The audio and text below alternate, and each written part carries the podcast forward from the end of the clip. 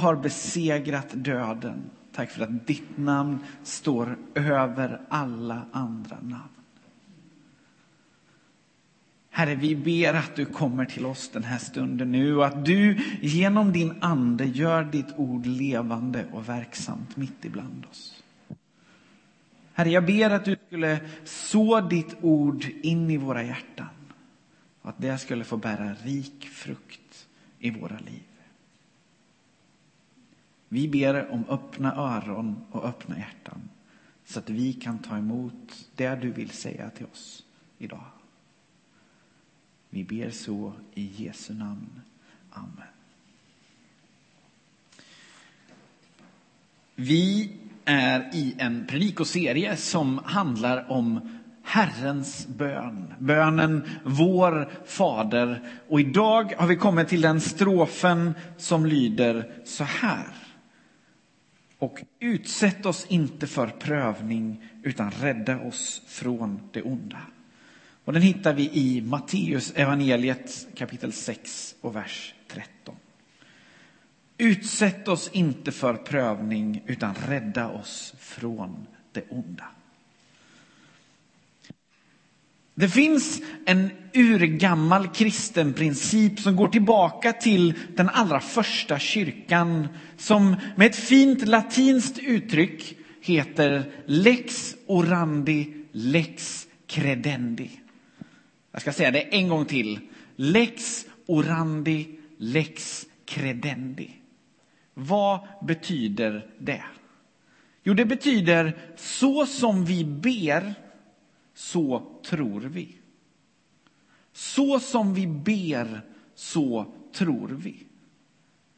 Och den vittnar om att vi kan säga att vi tror en massa saker här uppe. Men så som vi verkligen tror, det tar sig uttryck i hur vi ber. Där syns tron på riktigt, i hur vi ber. Så som vi ber, så tror vi. Och den frågan kan vi ställa oss var och en. Vilken tro syns i mina böner? Vilken tro vittnar mina böner om? Hurdan är den Gud som jag ber till? Och vi ska ta den här principen, så som vi ber, så tror vi, och lägga den på den här strofen som vi liksom har kommit till i predikoserien idag. Vilken tro vittnar den här strofen om? Den här bönestrofen. Vad är det vi ber egentligen? Och vilken tro uttrycker den här bönen? Låt oss därför titta lite närmare på vad Jesus verkligen säger. För den här bönen, den finns ju i Matteus evangeliet i det avsnitt som vi kallar för bergspredikan. Jesus undervisar sina lärjungar om hur ser ett liv ut som är präglat av Guds rike? Hur ska vi leva så att Guds rike blir en verklighet runt omkring oss? Och i det så lär Jesus lärjungarna att be. Och han lär oss att be. Den här strofen, så som den är formulerad på svenska. Nu vet jag inte vad det står på persiska under, men jag gissar att det är ungefär samma. Den kan ställa oss frågan, brukar Gud utsätta oss för prövning? Eller som det stod i den gamla svenska översättningen, inled oss inte i frestelse. Brukar Gud göra det? Brukar Gud göra det? Är det här alltså en bön att Gud ska sluta med det han gör emellanåt? Gud, låt bli. Är Gud som en elak mobbare som vi liksom vädjar till, sluta slå oss. Men om du gör det så ge mig åtminstone en kylklamp efteråt. Är det det vi säger? Låt oss gå till Guds ord. Jesus är den sanna uppenbarelsen om vem Gud är. Han är, när vi ser Jesus så ser vi hurdan Gud är.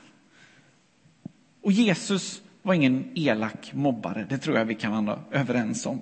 Men låt oss läsa ifrån Apostlagärningarna 10.38. Petrus, en av lärjungarna, håller en predikan. Och vad är det han säger om Jesus? Apostlagärningarna kapitel 10 och vers 38. Och bara så att ni vet, det kommer bli mycket bibelord idag. Det blir mycket bibel i den här predikan. Så att eh, liksom ha bläddringstummarna redo, så säger vi. Petrus, han säger så här. Jesus från Nasaret blev smord av Gud med helig ande och kraft och han vandrade omkring och gjorde gott och botade alla som var i djävulens våld. Gud var med honom. Det är ingen elak mobbare vi ser här. I Johannes evangeliet kapitel 14 och vers 9 så säger Jesus till Filippos, den som har sett mig har sett Fadern. Den som har sett mig har sett Fadern. Jesus visar oss vem Gud verkligen är.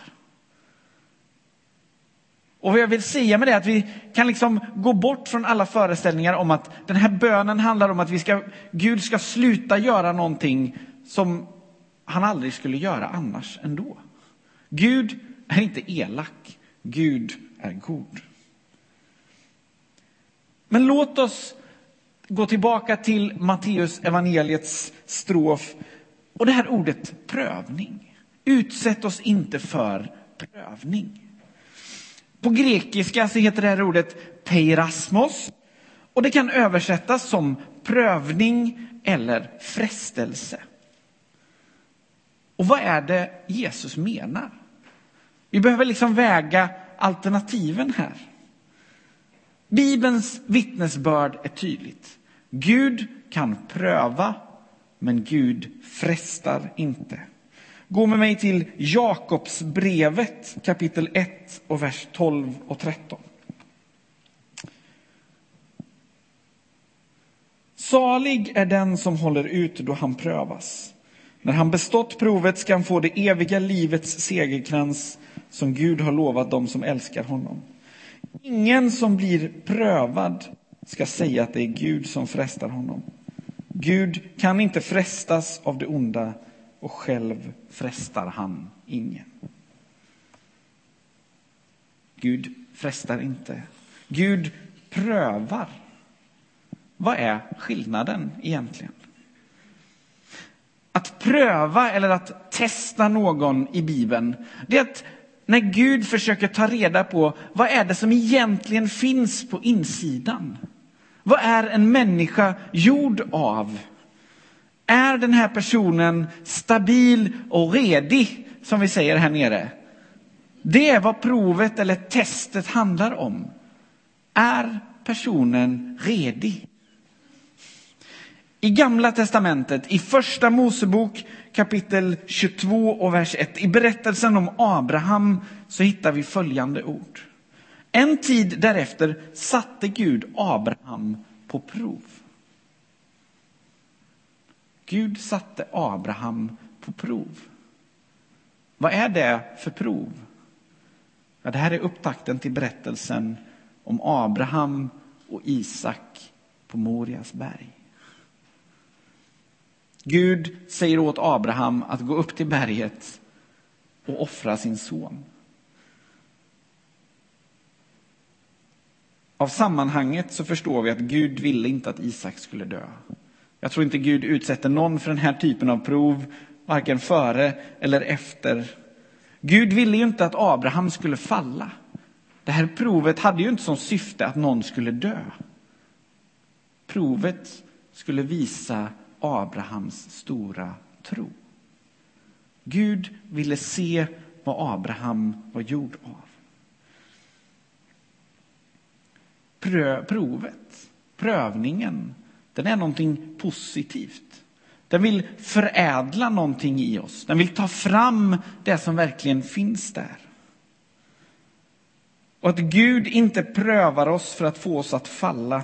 Det säger Paulus uttryckligen i första Korintierbrevet kapitel 10 och vers 13. Era prövningar har inte varit övermänskliga. Gud är trofast och ska inte låta er prövas över er förmåga. När han sänder prövningen visar han er också en utväg så att ni kommer igenom den.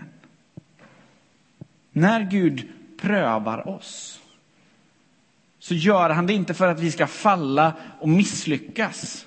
Gud är inte en Gud som kastar ut bananskal framför oss och vill skratta åt oss när vi ramlar. Gud prövar oss för att vi ska växa, för att vår tro ska bli starkare. Att fresta däremot, det är alltid något negativt.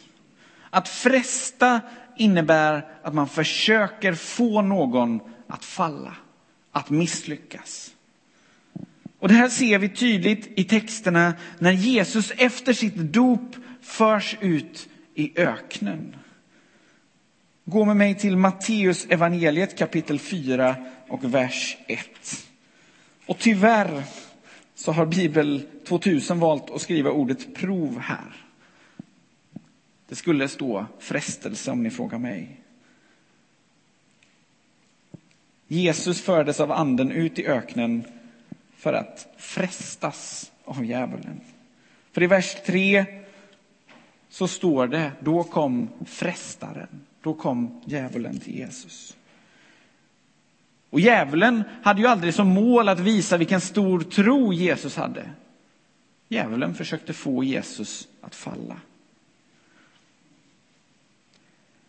Så tillbaka till vår fader. Vad är det Jesus syftar på här?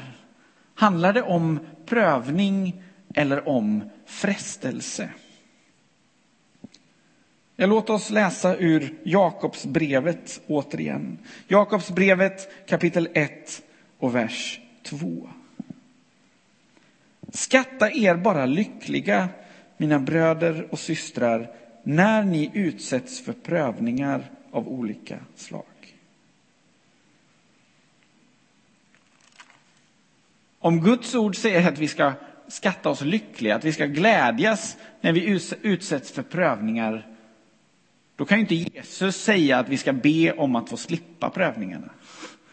Guds ord kan ju inte säga emot sig själv så fundamentalt. Alltså, det handlar om frestelser. Låt oss slippa frestelserna. Det är vad Jesus menar. Så i det här fallet så tycker jag att 1917 års översättning är mycket bättre. Därför att den fångar in det det handlar om på ett bättre sätt. Och vad menar Jesus då med frestelserna? Det vi behöver se är att den här bönestrofen så är det ju två liksom, delar och att de hänger ihop. De speglar varandra.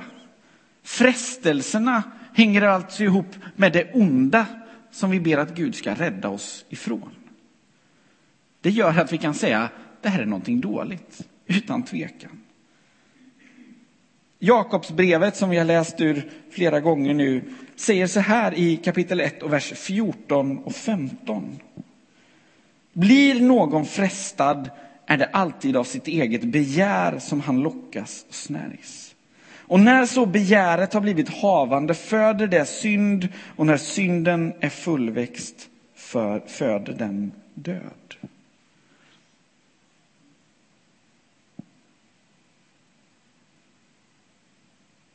Frestelserna och det onda hänger ihop i den här bönestrofen. Därför att begäret, frestelserna riskerar att få oss att falla. Begäret föder synd och synden föder död.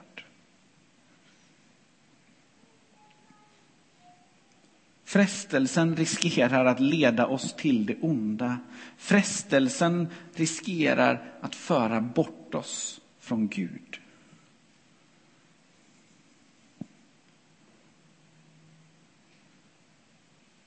Så på samma sätt som de här två uttrycken hänger ihop, så det vi ber Gud göra hänger också ihop.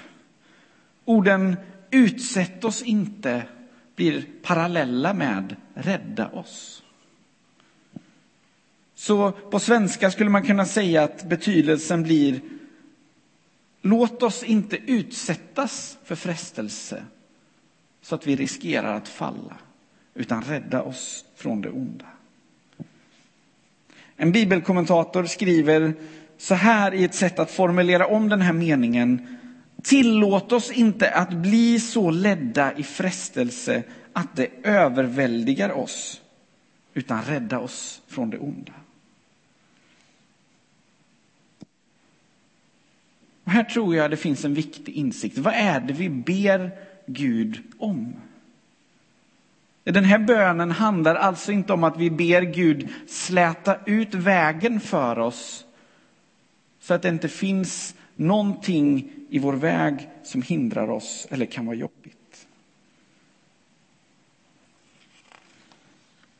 Det som Jesus gör är att lära oss att be Gud beskydda oss från det som ytterst för oss bort från honom. Så att vi tappar kontakten med Gud. Därför att det är viktigare än allting annat.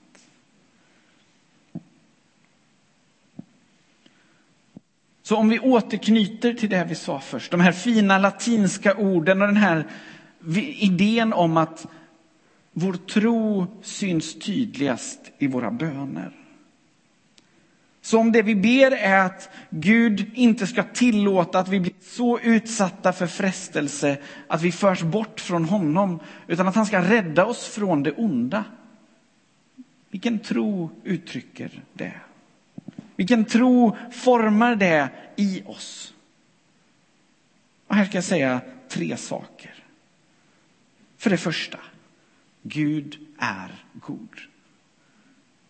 Det kanske var, ni kanske trodde att det var något mer avancerat.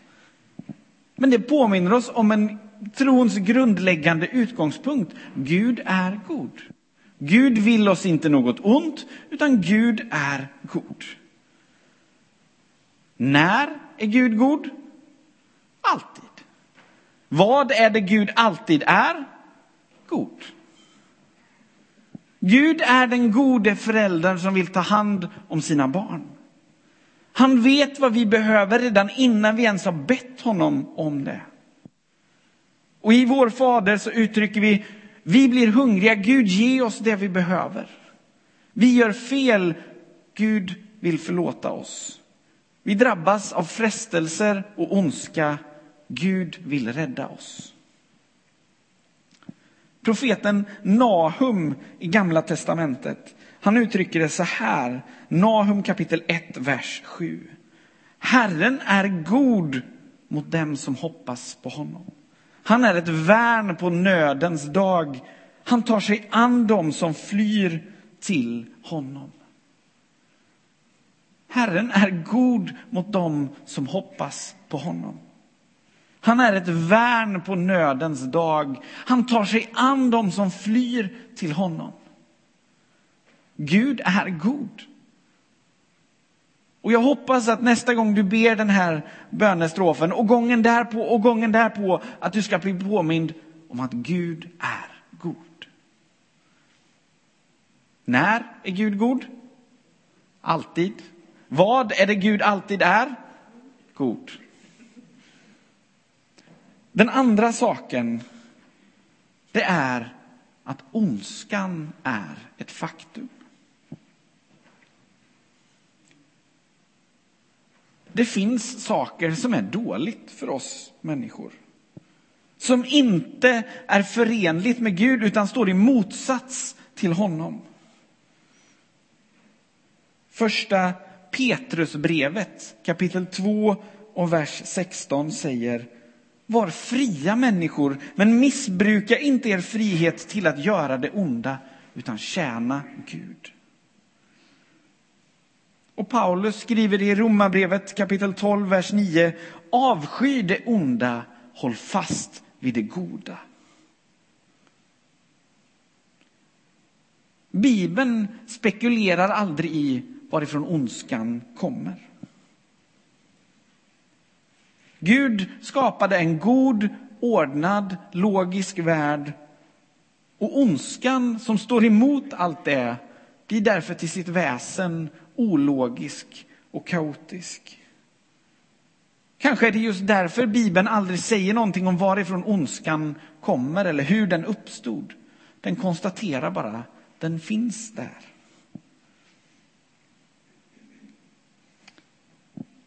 Men vår vers som vi har tittat på här idag, den visar också att vi människor ofta kan lägga krokben för oss själva. Genom frestelser som kommer ur våra egna begär. Ett sätt att se på begär, det är att de är felriktade behov. Alla människor har ett behov av att äta. Det är vi överens om, va? Okej, okay, säger Bodil. Hon är med mig i alla fall, det var ju skönt. Alla människor behöver äta.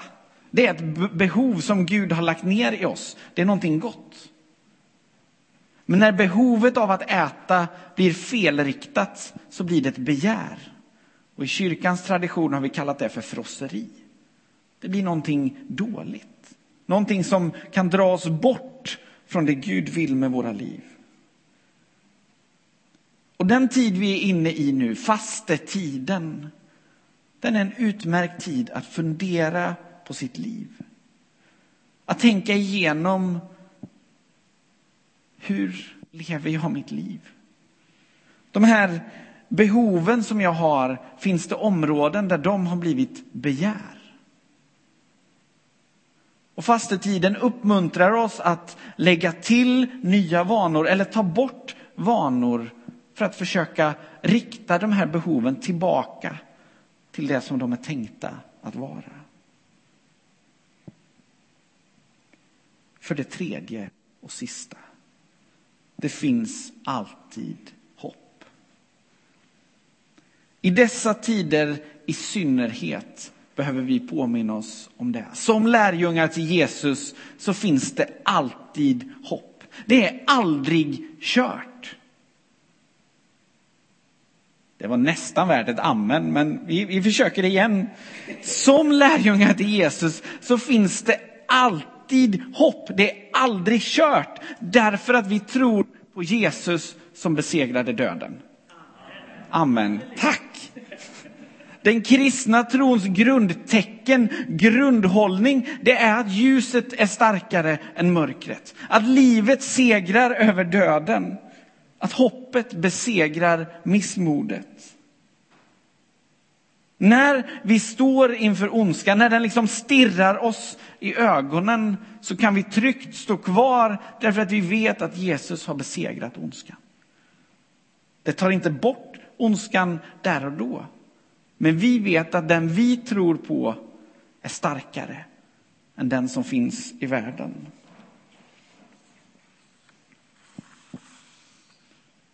När vi känner att frestelsen är på väg att dra oss åt fel håll, när vi är på väg att falla, så finns det någon vi kan ropa till om hjälp.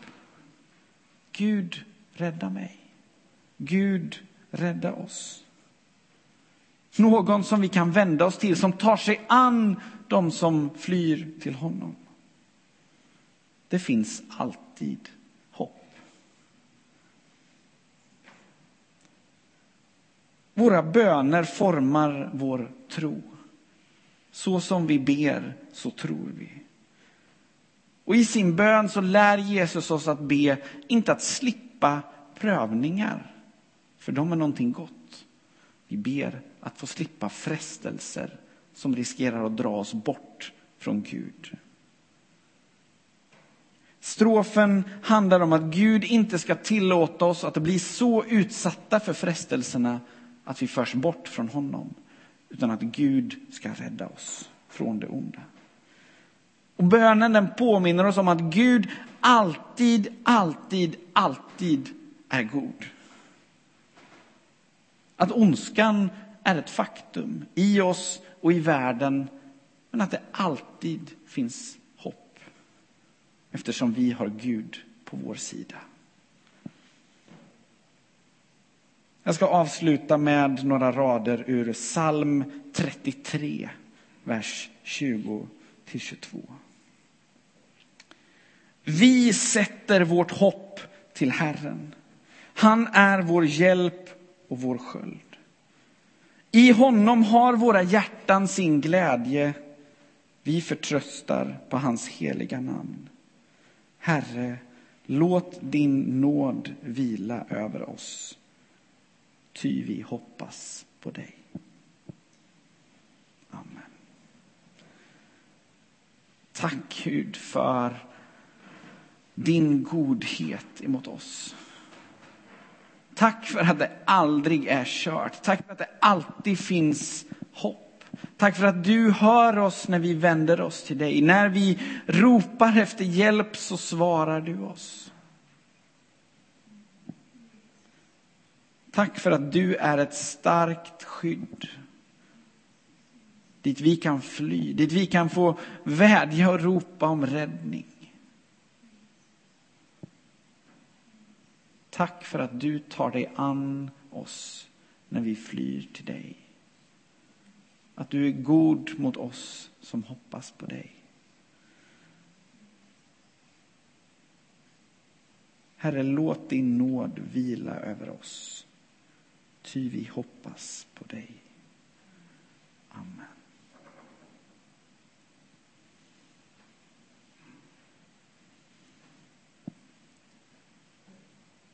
Vi ska nu tillsammans be hela den bön som Jesus lärde oss att be. Och jag tror texten kanske kommer på väggen här bakom. Vår Fader, du som är i himlen. Låt ditt namn bli helgat. Låt ditt rike komma. Låt din vilja ske på jorden så som i himlen. Ge oss idag det bröd vi behöver och förlåt oss våra skulder liksom vi har förlåtit dem som står i skuld till oss. Och utsätt oss inte för prövning utan rädda oss från det onda. Ditt är riket, din är makten och äran i evighet. Amen.